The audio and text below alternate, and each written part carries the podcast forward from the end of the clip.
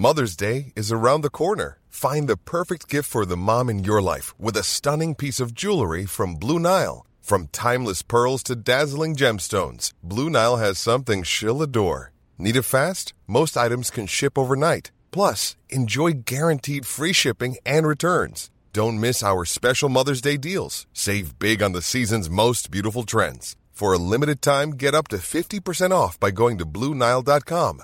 That's BlueNile.com. Hey, I'm Ryan Reynolds. At Mint Mobile, we like to do the opposite of what Big Wireless does. They charge you a lot, we charge you a little. So naturally, when they announced they'd be raising their prices due to inflation, we decided to deflate our prices due to not hating you. That's right. We're cutting the price of Mint Unlimited from $30 a month to just $15 a month. Give it a try at mintmobile.com slash switch. $45 upfront for three months plus taxes and fees. Promo for new customers for limited time. Unlimited more than 40 gigabytes per month. Slows. Full terms at mintmobile.com. Life is full of awesome what ifs, and some not so much, like unexpected medical costs. That's why United Healthcare provides Health Protector Guard fixed indemnity insurance plans to supplement your primary plan and help manage out of pocket costs. Learn more at uh1.com. Vi är denna vecka sponsrade av Indie Beauty. Och Sofie, det här tycker jag är extra fint och extra roligt. Ja men Indie Beauty är ju ett skönhetsvarumärke som jag tror att väldigt många känner till, men det jag älskar mest det är att Indie Beauty liksom vill vara mer än bara produkter, vilket de ju också är. Exakt. Indie Beauty står ju för Independent Beauty, skönhet på dina villkor och för din egen skull. Och Indie Beauty tror ju stenhårt på ett alternativt skönhetsideal fritt från måsten, skam och känslor av otillräcklighet. Där är jag helt med Indie Beauty. Jag med. Det är så jag vill att skönhet ska vara. Ja men verkligen. Och vet du vad som är nytt för i år Sofie? Berätta. Från och med i år så skänker Indie Beauty 1% av sin försäljning till Suicide Zero, Tjejzonen och Djurens Rätt. Så när man handlar produkter från Indie Beauty så kan man liksom känna att man också ger tillbaka till samhället. Ja, kraften i tillsammans. Ska jag säga en sak nu då, som Mm. jag, det, men det är detta jag är extra glad över.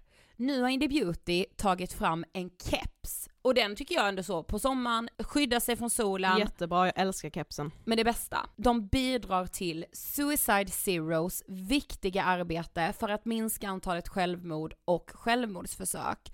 Så för varje såld keps så går hela vinsten, 100 kronor, direkt till Suicide Zero. Då kan man liksom göra nytta både för samhället och sin hud på en och samma gång. Ja, och kepsen kostar 169, men alltså hela vinsten går då som sagt till Suicide Zero. Så om man vill göra skillnad när man är där ute i solen, nu när den börjar titta fram, då ska man välja den här kepsen. Den säljs exklusivt på indiebeauty.se och på Apotea. Tillsammans kan vi skapa en ljusare framtid. Vi ses med kepsarna på! Tack Indie Beauty. Vi är sponsrade av Mindler och som ni säkert vet sedan tidigare så är vi ju ute på psykologresan tillsammans. Men hur vet man egentligen när det är dags att söka hjälp? Ibland uppstår saker i livet som kommer utmana oss och kännas tufft. Det mesta självläker vi oss igenom, för vi är menade att ta oss igenom en viss mängd påfrestningar. Men ibland behöver man professionell hjälp för att ta sig ur jobbiga perioder i livet. Men vart går då gränsen? Vad är en del av livets skavighet och när är det läge att söka hjälp? Det sägs till exempel att stress är farligt, men att det också kan vara bra. Alla sover dåligt ibland, så när har man egentligen sömnproblem? Ångesten kommer väl krypande för de flesta någon gång. Så när ska man se ångesten som outhärdlig? Hur vet jag? Med oss som psykolog har vi såklart min gamla psykolog Linnea Seidbrant. Men Linnea, vad är egentligen utmattningssyndrom? Utmattningssyndrom är en konsekvens av svår och långvarig stress utan möjlighet till återhämtning. Vi är ju då skapta för att klara av stress, men vi behöver också återhämtning. Om du utsätts för för mycket stress under en lång period utan att du får till den nödvändiga återhämtningen så kommer kroppen till slut att säga ifrån. Och det är faktiskt så att alla har en gräns. Du kan drabbas av en rad fysiska eller psykiska besvär som trötthet, sömnproblem, hjärtklappning, besvär från magen och tarmarna och mycket annat. Och det här är ju då varningssignaler och tecken på att du kan behöva göra någonting åt din situation. Annars så kan besvären utvecklas till att du mår så dåligt på sikt att du blir psykiskt och fysiskt utmattad. Ladda ner Mindler till din telefon och läs mer på mindler.se.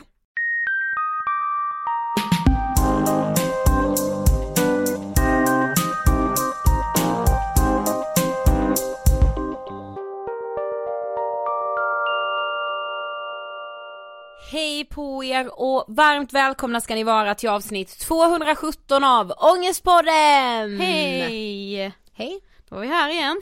Då var vi här igen. Och jag har lite skrivkramp. Ja, för att vi har suttit och signerat böcker hela förmiddagen. Ja. Till alla er som har förbokat via Bokus, vår bok Vi borde vara lyckliga, som släpps den 27 mars. Det är alltså åtta dagar kvar när vi Det spelar här- in där. Det här avsnittet är ju det sista avsnittet som släpps innan vår bok finns. Ja, Alltså du fattar nej ju. men det är så sjukt. Nej men det är klart du inte fattar. sjukt. Ja det är inte klokt. Ja. Men eh, jag känner ju ändå liksom att eh, vi kommer ju gå med flaggan högt det här avsnittet. Ja. Det kommer vi, men du Sofie, jag tycker det är på sin plats att tacka vår eminenta sponsor. Ja, Mindler. Mindler. Oj vilken kör! Ja men verkligen, men alltså så här är det, idag så är det ofta svårt att träffa en psykolog. Mindler gör det enkelt att träffa en psykolog.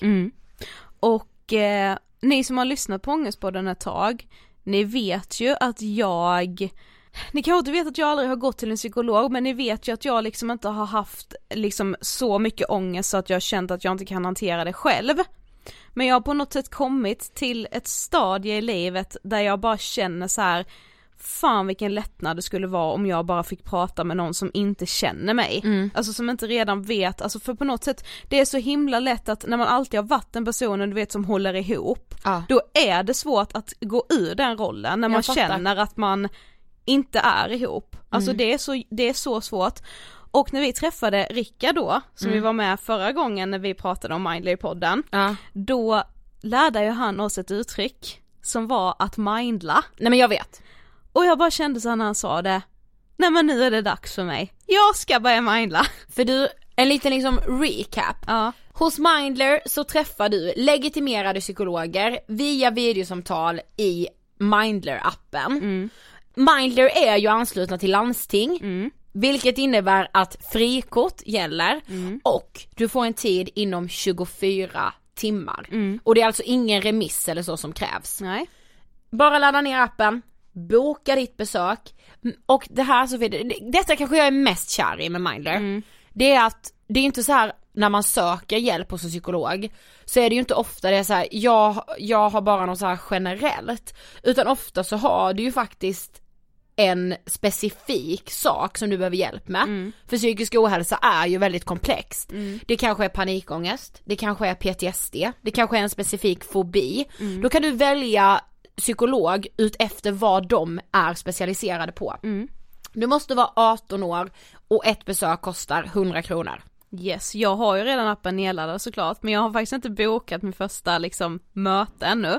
Nej. Men jag tänker att ni ska ju såklart få följa med på den här resan, kära ångestpodden-lyssnare. Mm. Jag hoppas också att det här ändå kan inspirera fler till att våga ta det första steget för det är skitsvårt. Speciellt om man är en sån person som mig som liksom, åh ska lösa allting själv och som alltid annars är den som hela tiden håller ihop och bara jag biter ihop, det här löser jag själv liksom. Nej det är slut med det nu. Ja men Sofie kan inte du göra ett inlägg i vår grupp Ångestpodden vi pratar vidare så att alla som mindlar så kan ni liksom uppdatera Kan hur mindlandet går. Det är ju jättebra. Ja, Ja, gå med i vår Facebookgrupp Ångestpodden vi pratar vidare så snackar vi mer om det där. jättetack till mindler.se.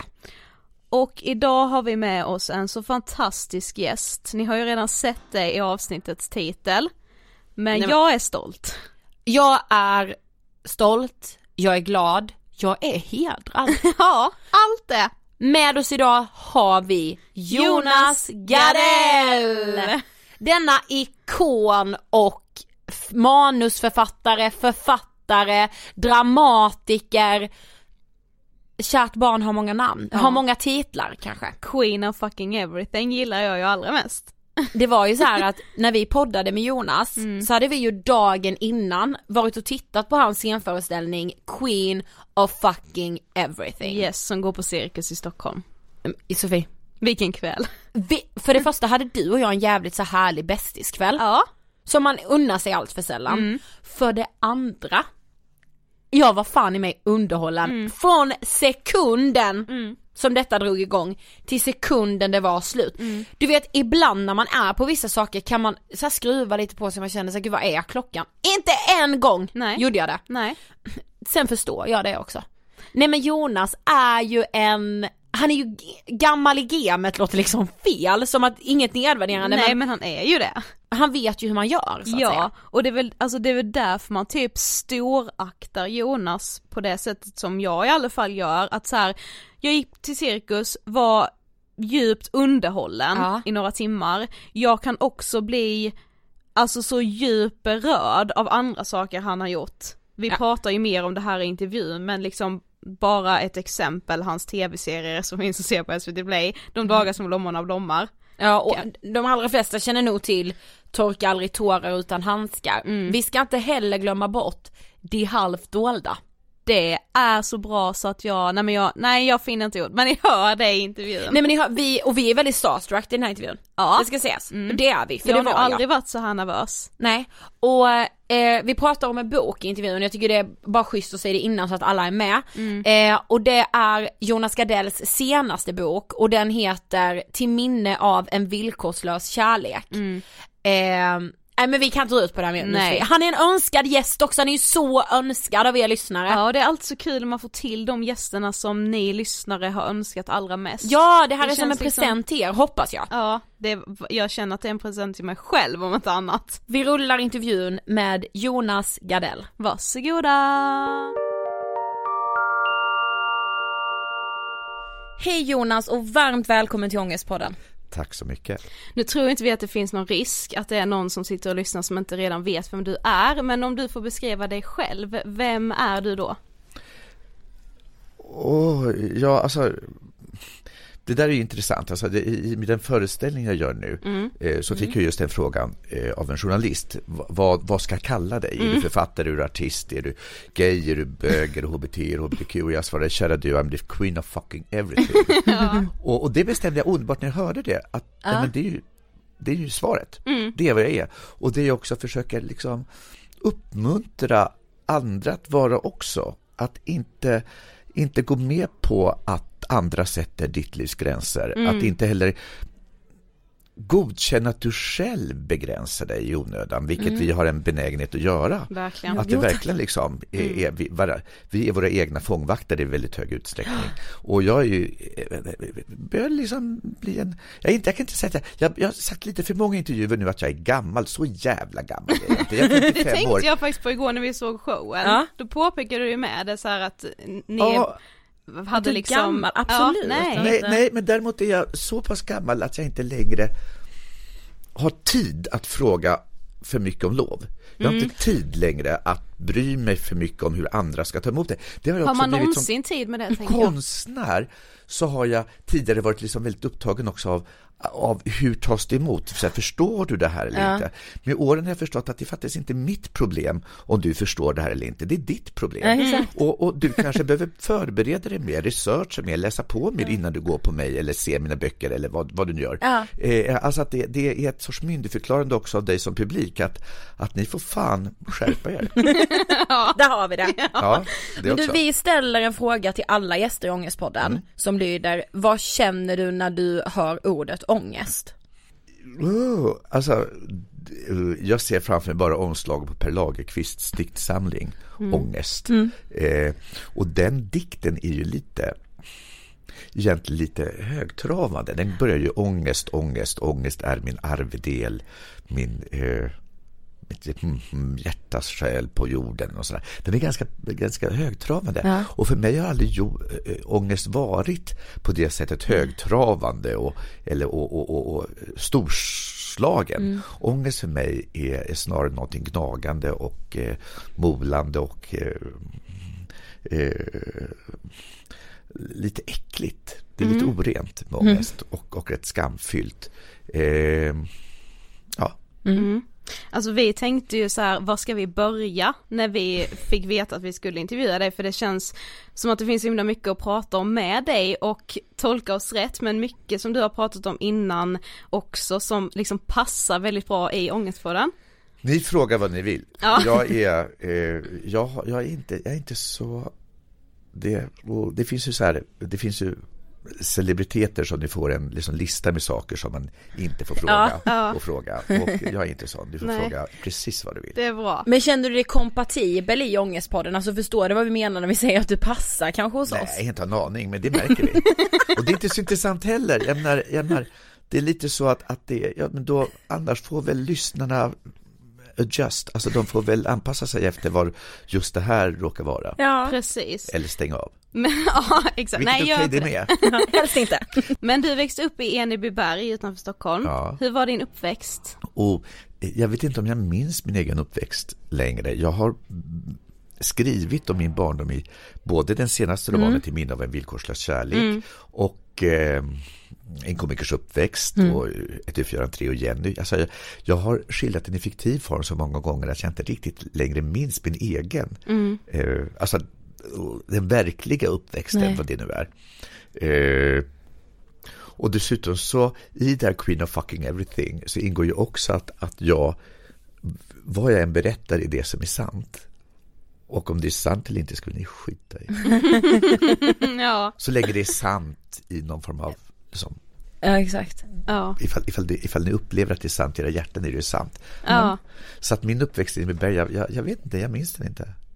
Jag, jag är väldigt förtjust i den, den uppväxt jag har just nu i föreställningen. Ja. Det är för jag är ett bisarrt litet barn som är liten och ful och tan har enorma talfel. Och som, som, som, som har döpt sin Ja. nallebjörn till Flash Flash och sin undulat till Jag Kesha. skrattade så mycket då. Ja. Som, som, som jag vann på kyrkans adventsbasar. Och det lustiga var att jag faktiskt inte hade tagit någon lott. Och det är sant. De ringde bara på kvällen och sa att jag hade vunnit. Och jag, jag var Ja, så glad för jag hade aldrig vunnit något i hela mitt liv. Så jag, jag sa, jo hurra, Jonas tjoho." Ringer vi, han kommer bli glad. Jag förstår inte riktigt hur de kom på det. Jag tror de, de ringde nog familjen och jag råkade svara. Men Ja. jag uppfattade det väldigt länge att Keshan var min, underlag. Det var ju en helt galen, den var en dag, den, den dog, den, en dag när jag kom in så var den bara död. Den låg död på i buren. Jag vet inte vad som hände med Keshan. Men det, men, det, men det är liksom så att jag är just väldigt förtjust i den bilden, den här bisarra ungen. och till ja. minne av en villkorslös kärlek skildrar jag också mig själv som en, en helt bisarr och väldigt självcentrerad och galen unge. Men som är där, just därför tycker jag blir väldigt älskvärd, för han är så oerhört svår att tycka om. Och ingen tycker om honom. Nej, m- mamman. Mamma Ja, Gardell tycker om. Ja, precis. Ja men precis, för på, på tal om till, till minne av en eh, villkorslös kärlek så, för jag har ju läst den, Mm. älskar den också, F- alltså så, jag har liksom blivit så berörd när jag har läst den. Eh, men där i så beskriver du som att liksom familjen Gardell, ni, ja men ni skyltade inte direkt med svagheter, man, inte ni pratade direkt, inte, vi, vi, vi, svaghet var inte... man fick inte, man trodde inte på det. Nej, man trodde bara, alltså, så att vi, exakt så, vi trodde inte på svaghet. Eh, Men och- vad var alltså så vad därför- ansågs vara en svaghet? Eh, Jag menar, vi kom från en frikyrklig familj där vi skulle leva våra liv som vittnesmål och tro på Jesus Kristus. Och varje svaghet i så fall är ett bevis på en bristande tro. Det ju, ställer ju oerhörda krav på liksom familjens präktighet och duktighet och liksom att man skulle klara allt. Och eh, eh, i eh, man ska vara själva bästa dräng och, och man ska förvalta sitt pund och man ska ro båten i land. Det är jävla mycket sånt liksom, som präktighet och det är ju eh, och den som ger sig in i leken ska leken tåla och allt det Ja. där. I vuxen ålder har jag väldigt svårt för det där att man ska tåla leken. För i helvete ska man veta att man tål leken innan man börjar den. Och hur ska man veta att man kan ro båten i land? Man kanske upptäcker att man behöver hjälp med den där båten Ja, och sådär. Och, eh, men, men, men det ändå inte, alltså vi, vi förträ, vad, vad vi gjorde i familjen Gardell är att vi förtränger, vi förnekar och vi hittar på, vi skapar legender. Och på ett plan så tycker jag att det är vad jag fortfarande gör. Jag förtränger, förnekar och skapar legender och i ett visst läge tycker jag det är rätt rimligt. När det inte går att få ihop världen på något annat sätt så sätt igång. Ja kan det vara lite Oms- som en över... omgestalta världen liksom till så att du kan leva i den. Ja, lite som en överlevnadsstrategi kanske. Ja, det, dels en överlevnadsstrategi och dels också rätten att, att det andra säger så här, sån här är du, sån här ser världen ut. Ja, men de kanske inte har rätt att definiera det. Ja. Det är kanske du själv som måste bestämma hur din värld ser ut. Mm. Men en sommar. Så länge du inte begår övergrepp på andra förstås. Ja men såklart. Men, nej, men jag tänkte först med också bara just det här, men där och då Mm. som, som liksom liten, visste du på något sätt att så här, men jag, jag ska klara det här själv, alltså jag ska bära lasset själv vad det lasset än må vara. Ja, men riktigt så var det inte. Men, men alltså, när jag blev mobbad som barn, Mm. jag minns väldigt, väldigt tydligt liksom, första dagen jag blev, blev det, för det var liksom en konkret öppning. Eh, och det, det jag liksom blev misshandlad av mina klasskamrater. Och när jag gick hem den dagen visste jag att det här var någonting jag var helt själv i. Ingen vuxen kunde hjälpa mig i det här. Dels för att på 70-talet, eller 60-talet, 70-talet när jag växte upp, så var inte föräldrar närvarande i barnens liv, eller vuxna på samma sätt. Lärarna satt in i lärarrummet och rökte. Det fanns inget på skolgården. Eh, och, och vuxna, man tillbringar inte så mycket tid med barnen. Det är en, det är en modern företeelse idag att vi ska liksom hålla på Idag och hänga med tävlar våra de vuxna ungar vem hela som är tiden. Ja. Ja, umgås vem mest som med umgås sina mest. barn. där idag. Eh, Och, att, va- också jag visste att det här, ja, nu var jag helt utlämnad åt min egen förmåga att klara mig när jag var, när jag blev mobbad. Ja.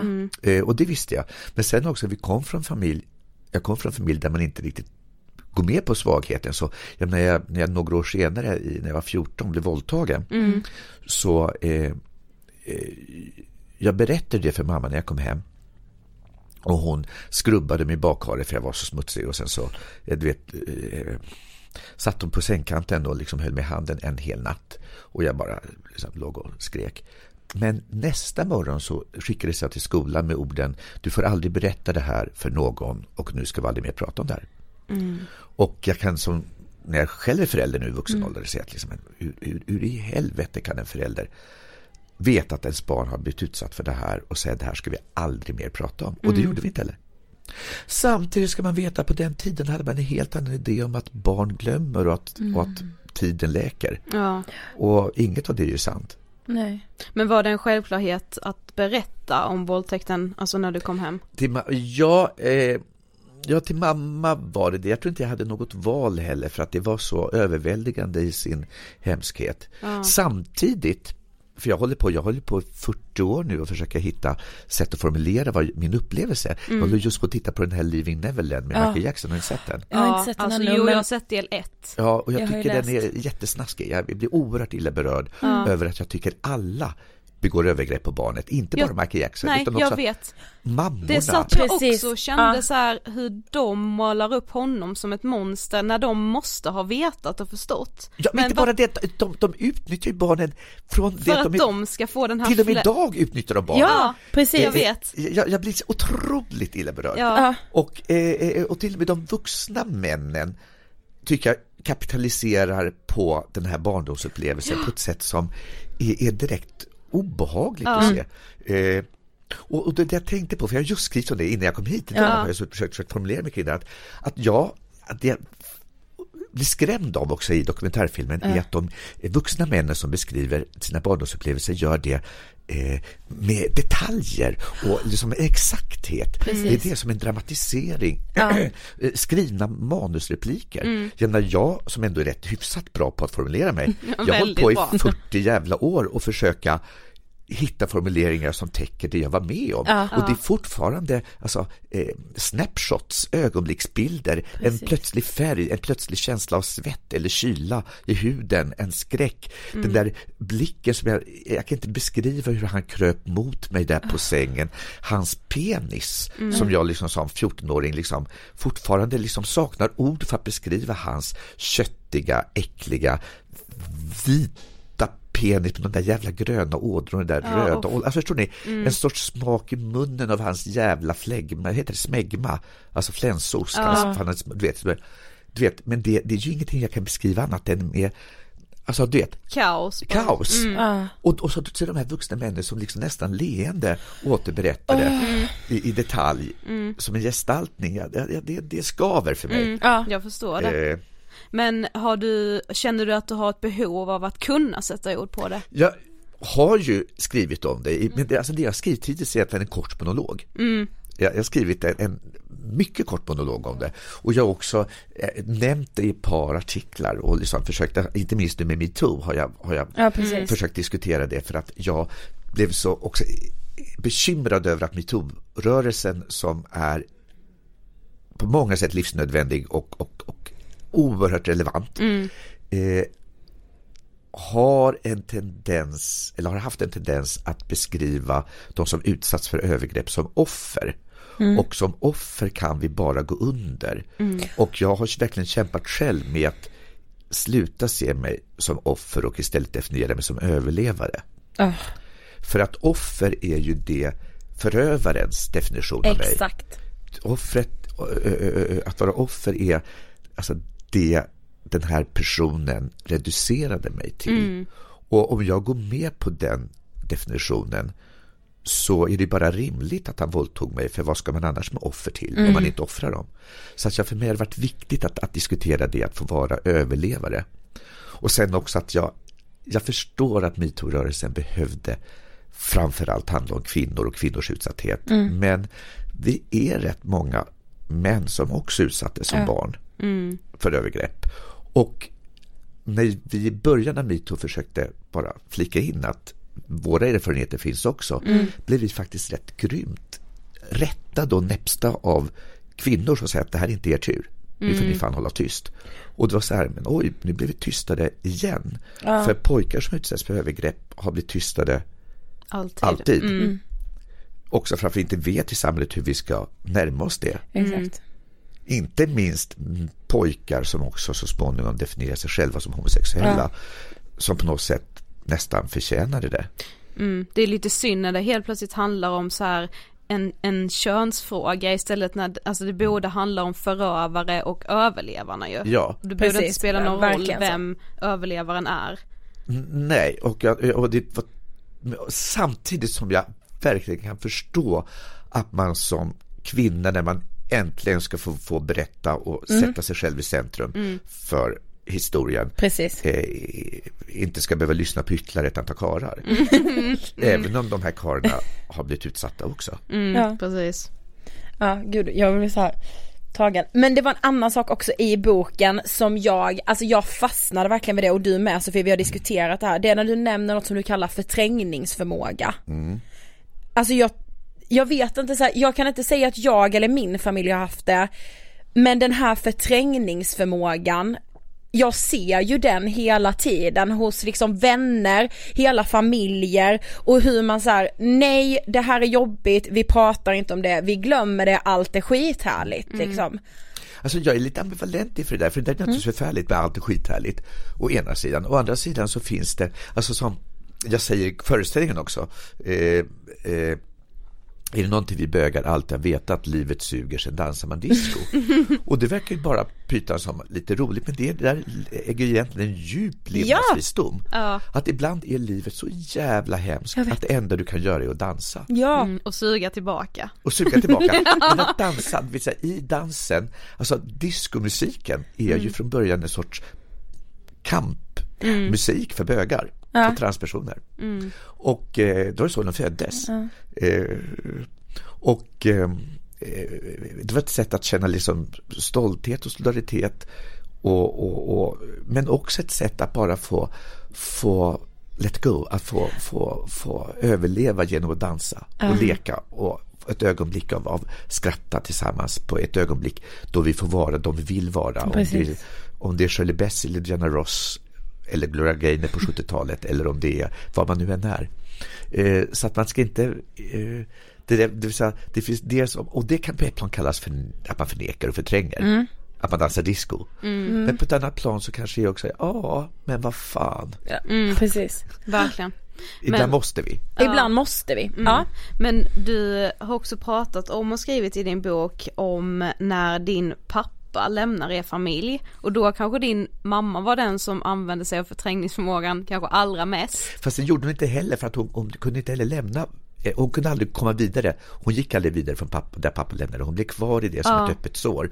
Och det såret petade hon i varje gång det hade en tendens att läka till det minsta så petade de snabbt i det för att öppna det igen. Och hon, i och med att vi inte fick ta emot hjälp så slog hon bort varenda hand som sträcktes mot henne och som faktiskt både ville och hade kunnat hjälpa. För att ibland är det så att de som blivit utsatta för övergrepp eller utsatt för den här typen av, av svek som Alma blev, att de går inte med på läkningen. Nej. För att det här brottet, det här sveket, det här såret de har tillfogats blir liksom själva centrum och medelpunkten i deras liv. Ja. Och så småningom också deras identitet.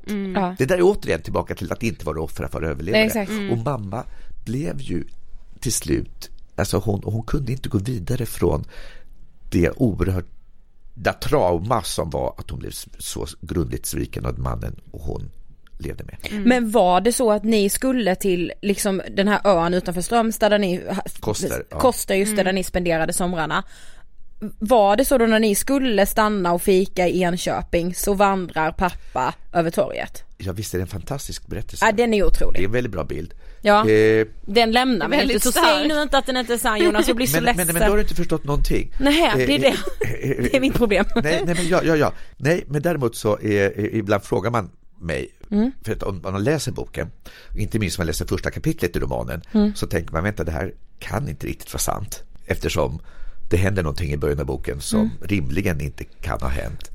Eller? Eller hur? Ja, Eh, Där på i rondellen vid Exakt, Armbågen, ja. dimman. ja, jo, ja. Mm. Det, det borde ju inte ha hänt. Nej det kan ju inte ha hänt. Eller? Who the fuck knows? Ja, vem fan. Nej, men, så, vill så, säga, ja. för, för när folk frågar mig liksom, har det hänt eller det hänt, Ja. så säger jag idiot. Som min mamma brukar säga. Idiot.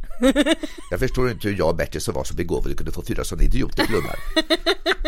Det är onekligen så att det har hänt. Jag håller på att skriva en annan text om det där också. I, i, alltså det, vill säga, det vill säga att första delen i romanen heter ju Som det var. Precis. Andra delen i romanen heter Som det också var.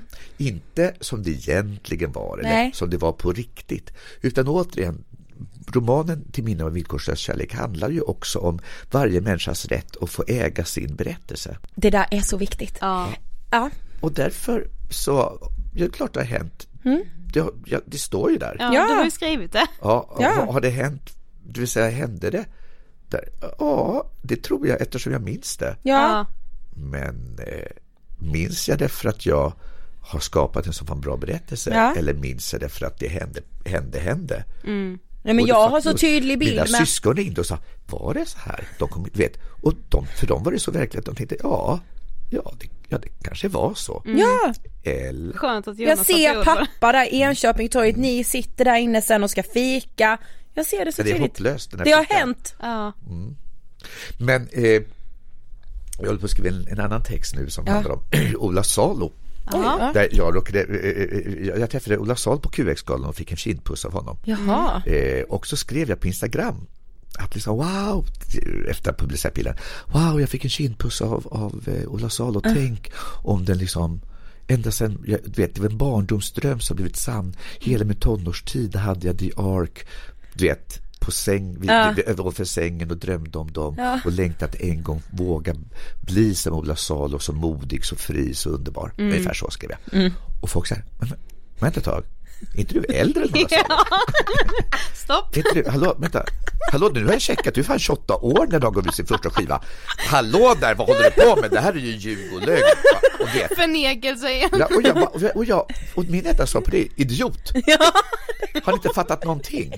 Det är, absolut, det är onekligen så. Life is full of what ifs. Some awesome, like what if AI could fold your laundry? And some, well, less awesome, like what if you have unexpected medical costs?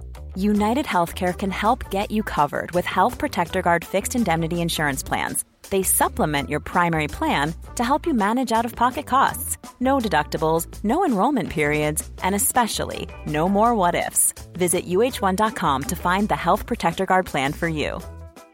Hiring for your small business? If you're not looking for professionals on LinkedIn, you're looking in the wrong place. That's like looking for your car keys in a fish tank.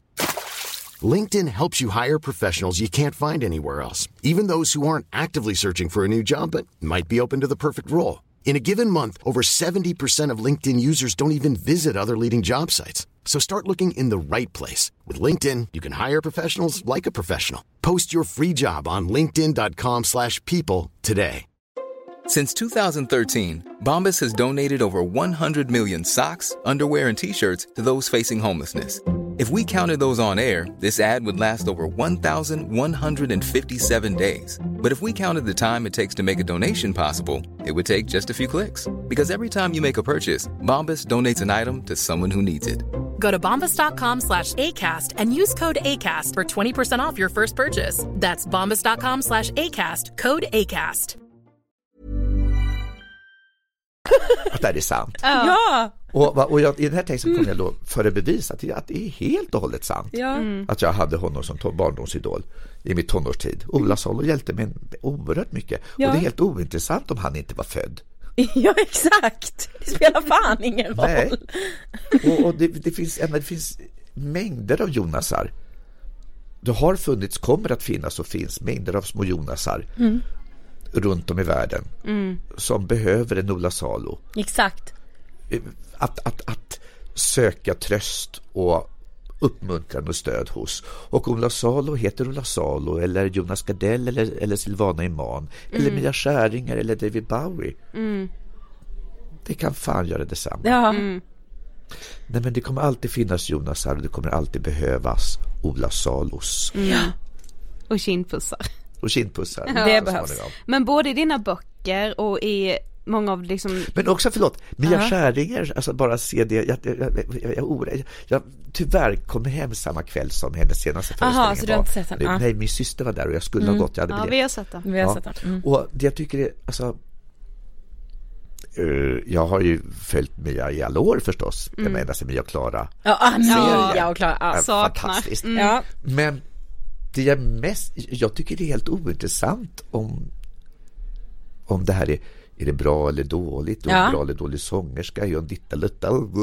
Ja, ja. Det enda som är intressant är den oerhörda relevans hon har för alla de tusentals och åter tusentals kvinnor som kommer och skrattar, gråter, känner igen sig själva Mm. Exakt. och, och, och fattar mod av Mia Skäringer. Jag, tycker hon, jag, jag, jag tror att hon gör någonting nu som inte ens kan beskrivas som en liksom, kulturupplevelse utan det är någonting, det är på en helt annan Ja. begreppsvärld Precis. tycker jag vi, vi, vi, det handlar om Ja. med det, det Mia gör nu. En sorts en sorts väckelse eller rörelse som hon är med och driver och startar. Jag tycker det är fantastiskt. Ja, ja det verkligen. känns verkligen som den rörelsen när man Ja. är där och tittar. Det gör det. Verkligen. Och ja. Men i, i liksom både dina böcker och i många av dina tv-serier, typ som Det halvt dolda, Torka aldrig tårar utan handskar och nu senast De dagar som blommorna blommar, alltså Oj, Nej, men oj. Jonas, du, du förstår nog inte hur mycket det, Det berör halvt oss. dolda Ja. kollade vi på efteråt. Ja, det- det var efter att min pappa sa, men snälla vad håller ni på, idiot sa han. Har du missat det Ja, här? det är det bästa jag Ja, har gjort. de det är det bästa. Du, ja, orden saknas mig. Helt men ja, jävla Förlåt otroligt. Sofie, nu Men- Fast i och för sig, jag är väldigt förtjust i blommorna också. Alltså det sista Ja. avsnittet i blommorna är, det är ju som en stor käftsmäll. Och vilka Ja. skådis, alltså, ja, Ja men det är verkligen Vet en vad? Jag är käftsmäll. minst förtjust i Torkade tårar av de här tre. är du det? Får man inte säga Nej det kan du inte. Nej men så, ja det är också helt fantastiskt men min favorit är Det halvt dolda, alltså jag blev helt frälst av det. Ja, Men i dem och liksom även i din show nu som vi var och såg igår så är ändå döden ganska central på något Ja. sätt. Det genomsyras liksom alltid på något sätt. Alltså hur ser du på döden? jag menar att inte att egentligen döden som är central i mina verk, utan vad som finns är en känsla av livets skörhet. Ja, du. Det är Ja. Det är det man känner. En sorts känsla av, att, av, av tillfällighet. Vi är här nu, vi vet inte om vi är här imorgon. Och eftersom vi inte vet hur länge, lång tid vi har så både handlar det om att liksom vara här, passa på, göra det vi vet, leva intensivt i det vi har nu.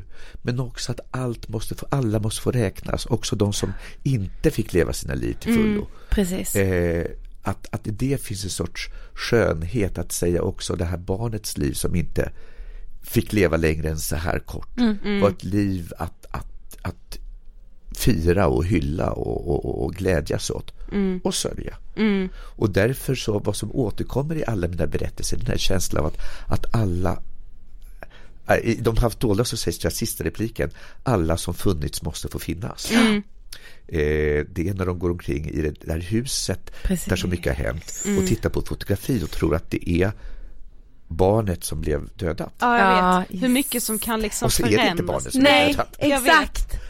Eh, ja, Och eh, sista scenen i De dagar som blommorna blommar Ja. är kanske det, tycker jag, vackraste jag har skrivit i hela mitt liv. Ja, När de går ut på ängen och, Ja. och plockar blommor. och alla går där och Och plockar. alla går där Alla från går. alla tider. Ja, Alla de som är borta, alla de vi älskat. ja, Alla och, och den bilden av livet och döden Mm. tar jag gärna med mig. ja. Att det är den där vackraste sommardagen då vi går tillsammans.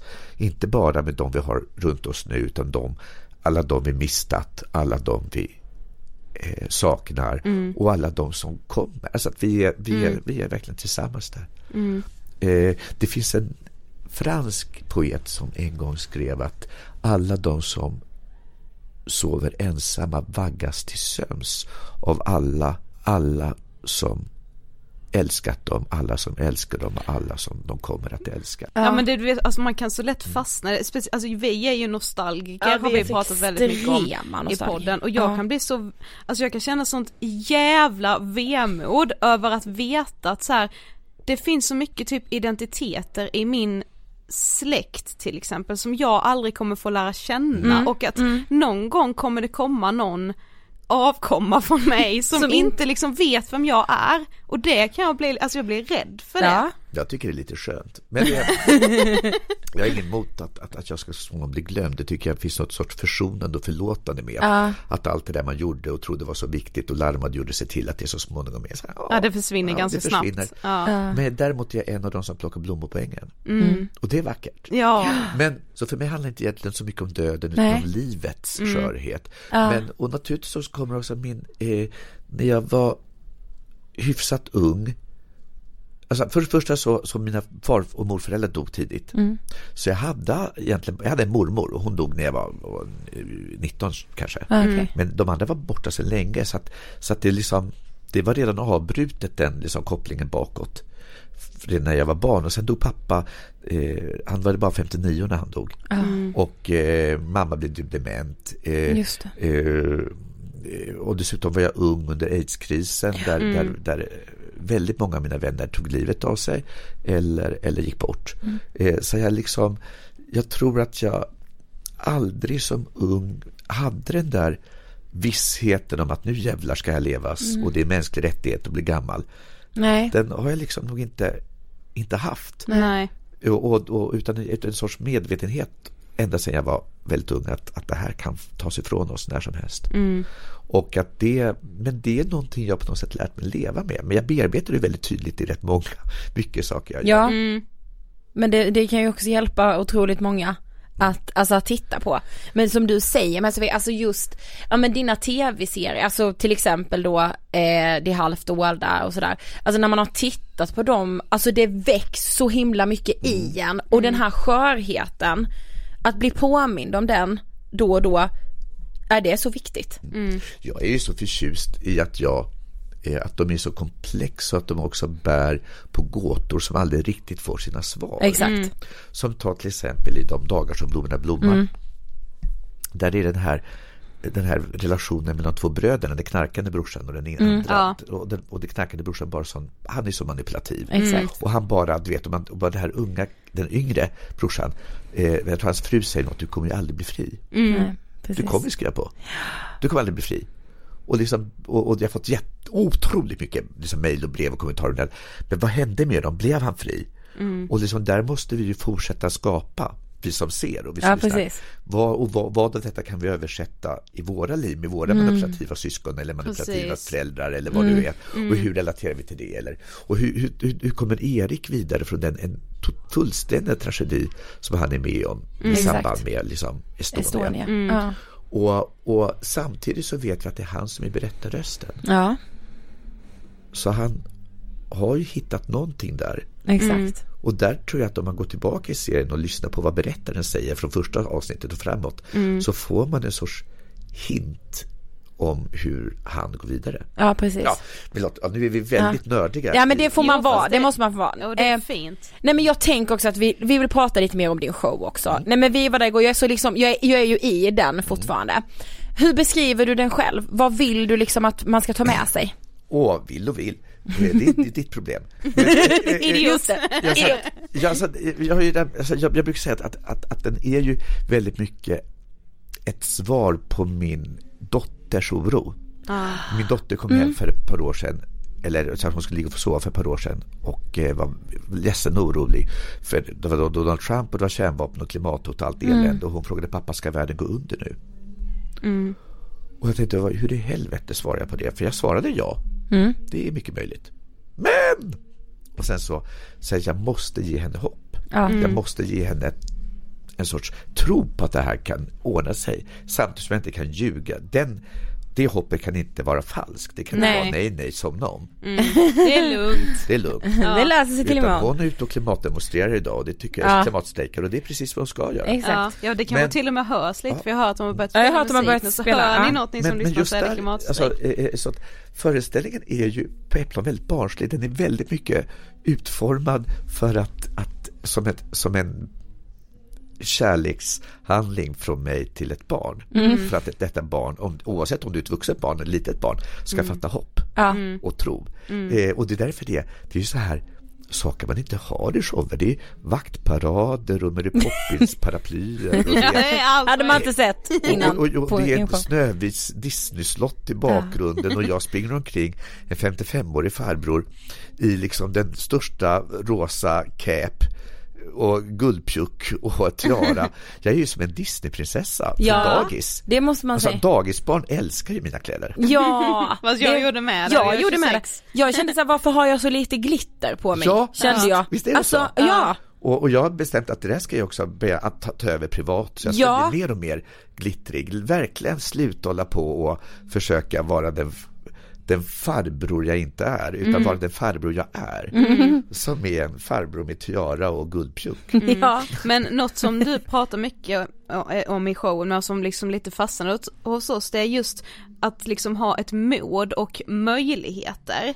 Och vi har bara försökt så här, koppla det till just ångestpodden och många av de som lyssnar på oss har ju liksom mycket ångest och när man är inne i de här ångest liksom, ja men perioderna i livet så kan ju jävligt mycket kännas jävligt omöjligt. Men varför är det så viktigt att våga? Alltså, eh, först måste man komma ihåg att, att det som är omöjligt alltid är Alltså vi måste sjunga det, lo, det omöjligas lov. Eh, och det har män, människan alltid gjort. Hon har aldrig nöjt sig med det möjliga. Hon har alltid sträckt sig efter det omöjliga. Och det är det jag berättar om i föreställningen. Ja men det är ju som, som eh, eh, eh, när när Mark och jag blev ihop för 35 år sedan snart, eller 33 år sedan snart. Eh, menar, om någon, då, då gick samhället överhuvudtaget inte med på att killar levde tillsammans. knappt. nej. Och om man då hade sagt till oss att vi 30 år senare skulle vara lagligt gifta och två barn så skulle folk bara ha sagt att det där kommer aldrig hända. Nej. Det finns inte en chans. Ja. Det var omöjligt. Ja. Men Mark och jag nöjde oss inte med det möjliga. Omöjliga. Utan genom politisk kamp och genom personligt mod och genom att inte ge oss så gjorde vi det omöjliga möjligt. Och det är där gång på gång vi måste påminna oss om att människan alltid har gjort. Hon har alltid stått inför omöjliga och gjort det möjligt. Jag menar, från att flyga till månen till att resa sig upp som människa från en situation du aldrig trodde att du skulle kunna resa dig ifrån. Ja. För att det här såret jag tillfogats, det här övergreppet jag utsatts för Exakt. kommer jag aldrig kunna resa mig ifrån.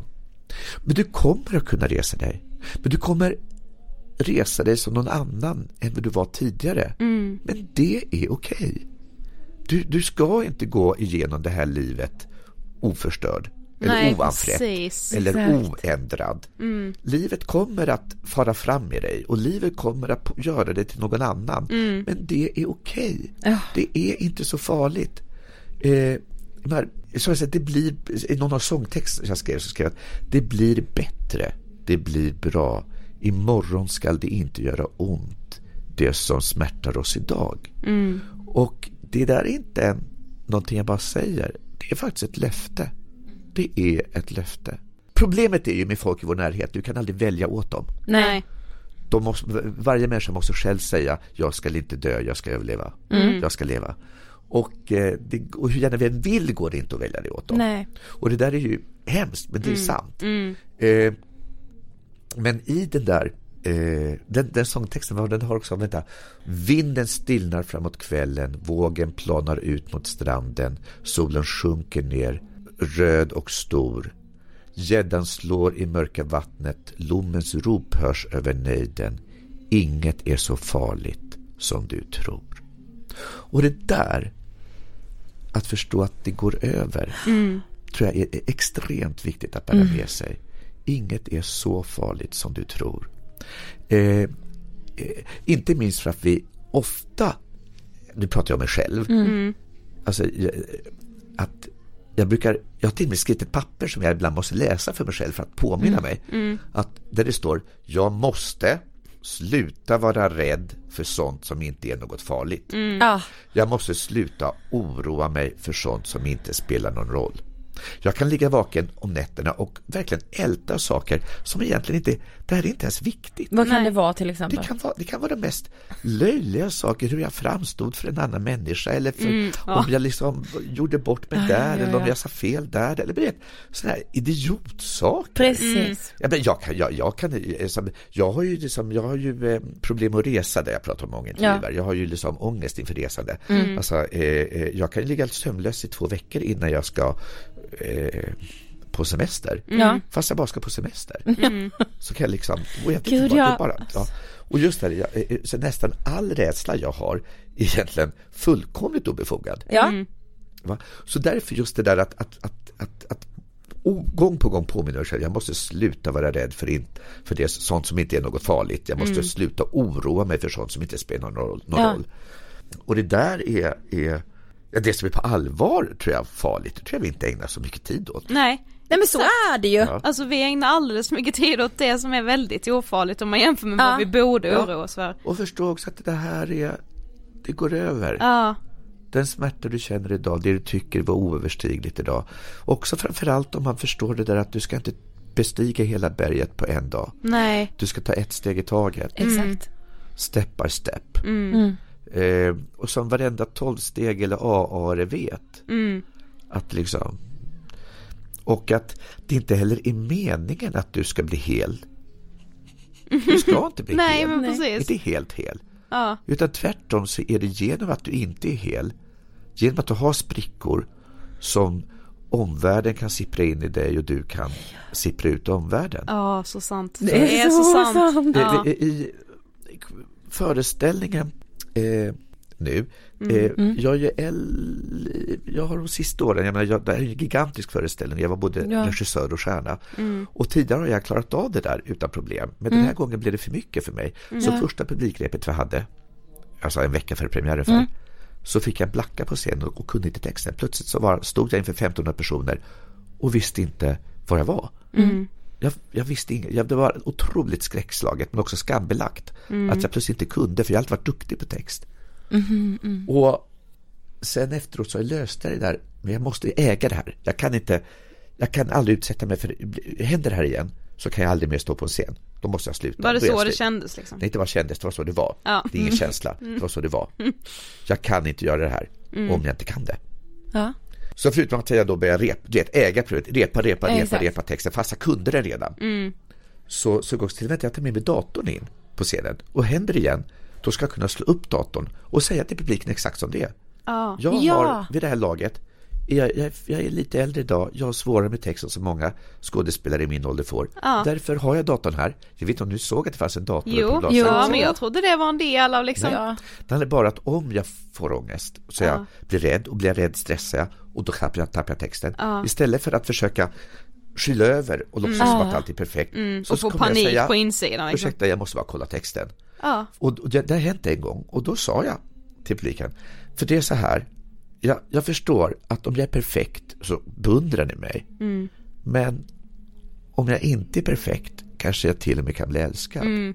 Ja. För det perfekta varken har behov av kärlek Eller hur? eller, eller kan bli älskat. Precis. Det kan bara bli beundrat. Ja.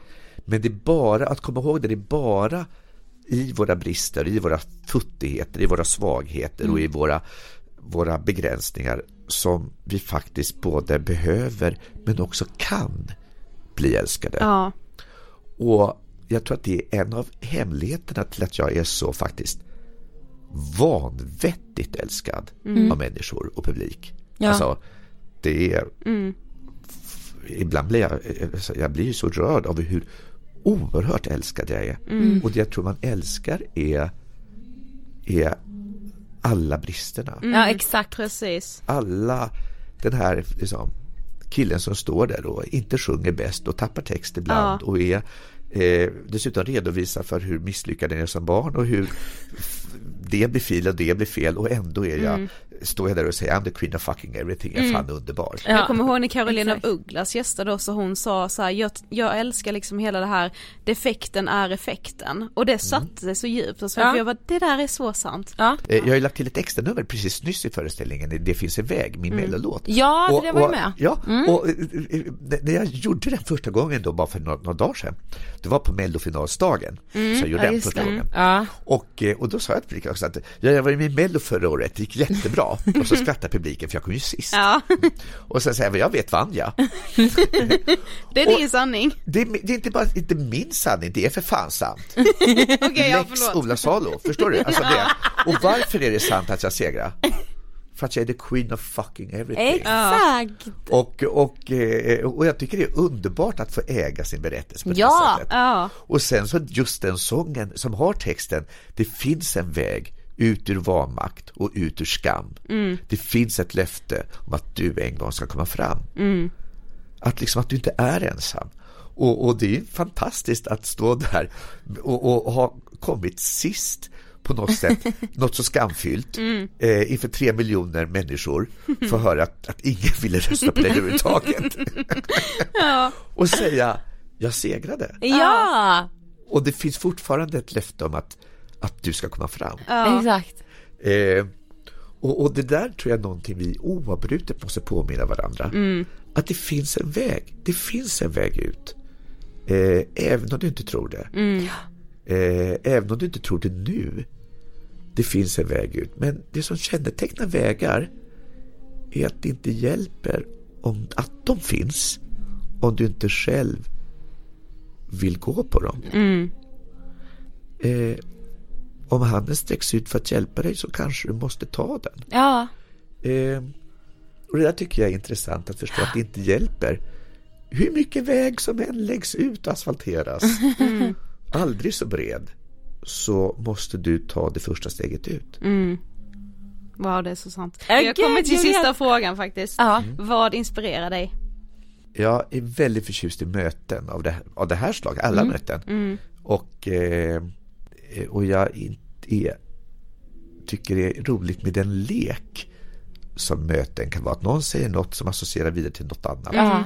När jag till exempel intervjuar så är det sällan det finns en rak linje i intervjun. Utan det är, hoppa lite mellan tuvorna och det tycker jag, det tycker jag är roligt. Ja. Så att jag, jag tycker, om jag får säga någonting som möten. Det kan vara med en tavla, det kan vara med en bok, det kan vara med ett tv-program eller det kan vara med en människa. Eller med djur. ja. Men, men den typen av liksom att vi plötsligt leker ihop. Ja. Djuret, tavlan, människan, Ja. vem det är. För att för mig är det en sorts lek. Mm. Eh, och jag är väldigt förtjust i leken. Och, och Queen of fucking everything är ju en gigantisk lek. Ja, eh, som jag, vuxna människa, får göra.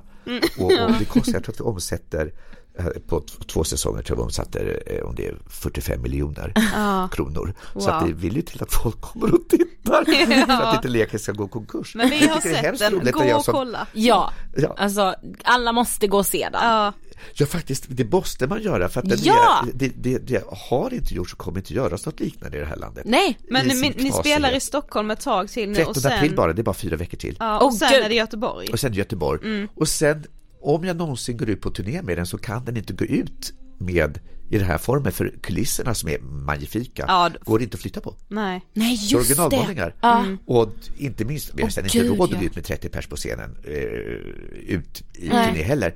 Men så den här föreställningen i dess liksom den här ma- det finns en sorts magi, Mm. en sorts trolleri över föreställningen som är rätt makalös. Den kommer inte att, att finnas igen. Nej. Och det kommer inte, ibland går tåget. Alltså du vet, just Ja. det är så här, där tåget står på perrongen och hoppar du inte på så missar du det och du kommer att ångra dig. Precis. Ja det kommer du, så Ja. gå och se den. Så Ja. att, eh, eh, eh, och jag tänkte ibland, är det ett hybris jag har? Men jag tänkte, nej fan, det är inte ens ett hybris. Fuck yourself.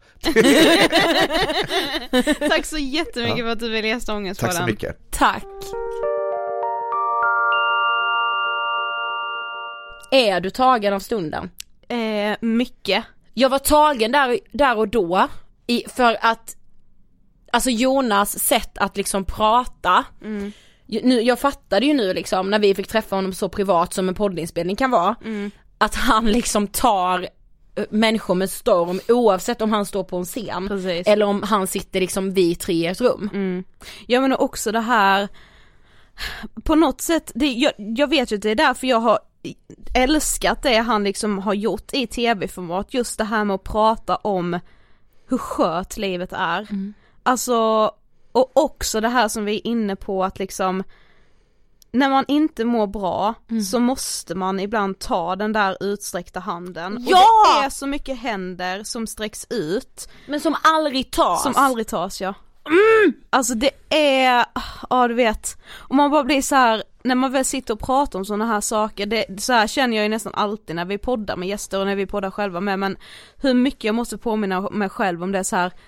du lever bara en gång, Ja. du måste ta alla, ta alla chanser och också alla risker. Ja. Alltså du, må, du kan inte bara ta allt som ses som en chans och en möjlighet utan gör också det som känns omöjligt och som är en jävla risk. Mm. Men det är ju det som gör att vi växer. Nej men jag vet, nej men jag vet ju detta när du säger till mig. Ja, Men, men och alltså, vet du vad jag känner ibland? Alltså allt Jonas Gardell gör, det berör. Mm. Det gör så mycket saker som aldrig berör. Förstår du? Mm. som Vi, jävla mycket platt skit. ja, alltså vikten av att beröras. Ja, Det är fan det viktigaste vi har. ja det är det. Alltså man ska inte bara gå på all liksom underhållning och bara säga åh jag vill bara luta mig tillbaka och inte behöva känna så himla mycket. Jo, Ibland kan det vara skönt. jätteskönt men, Men- inte alltid. Vi Nej. måste bli berörda. Vill ni bli berörda så tycker jag, alltså det vill jag verkligen säga, att man ska boka en biljett till Queen of fucking everything, Jonas show. Absolut. Alltså ni kommer, ni kommer ha det härligt. Mm. Det lovar vi. Ring mig annars kan jag säga. Stort, stort tack Jonas för att du ville gästa Ångestpodden. Som sagt, jag trodde aldrig vi skulle få säga det där. Nej, det var otroligt. Ja, Men Sofie nästa vecka då? då ska vi prata om Vi borde vara lyckliga. Alltså nästa vecka när vi sitter här Då kan, kan, vissa av er ha fått hem boken. Ja folk kan typ så strassa in på sin lokala bokhandel. Ja! Surfa in på Bokus eller Adlibris och beställa den Nej men liksom. så här, när ni lyssnar på Ångestpoddens nästa avsnitt, ni kan inte lyssna på det direkt när det släpps, då kommer ni liksom kanske kunna lyssna på avsnittet och samtidigt sitta och bläddra i boken och vara där där vi är i snacket. Ja men förlåt. Jag satt alltså i fel strupa. Ja. Men det var också att jag trodde du skulle säga, när ni lyssnar nästa vecka, kommer ni kalla oss för fattare? Det det- med ja. Det var lite obehagligt. Fy fan, ja jag Ja. blir helt lökig här. Ja, men vi hörs ju precis som vanligt nästa torsdag. Håll i hatten, snart är det vår. Ha det bäst tills dess. Vi älskar er. Hej då! Hej då!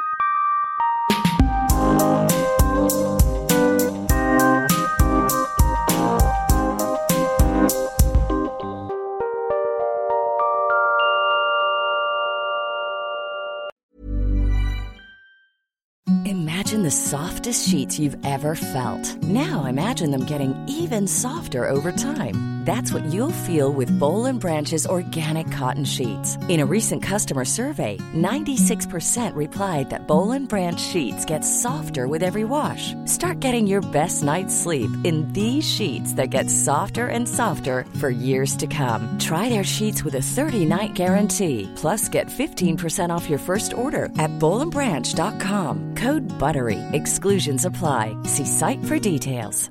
Mom deserves the best, and there's no better place to shop for Mother's Day than Whole Foods Market. They're your destination for unbeatable savings, from premium gifts to show-stopping flowers and irresistible desserts. Start by saving 33% with Prime on all body care and candles. Then get a 15-stem bunch of tulips for just $9.99 each with Prime. Round out Mom's menu with festive rosé, irresistible berry chantilly cake, and more special treats. Come celebrate Mother's Day at Whole Foods Market. Imagine the softest sheets you've ever felt. Now imagine them getting even softer over time. That's what you'll feel with Bowl and Branch's organic cotton sheets. In a recent customer survey, 96% replied that Bowl and Branch sheets get softer with every wash. Start getting your best night's sleep in these sheets that get softer and softer for years to come. Try their sheets with a 30-night guarantee. Plus, get 15% off your first order at bowlandbranch.com. Code BUTTERY. Exclusions apply. See site for details.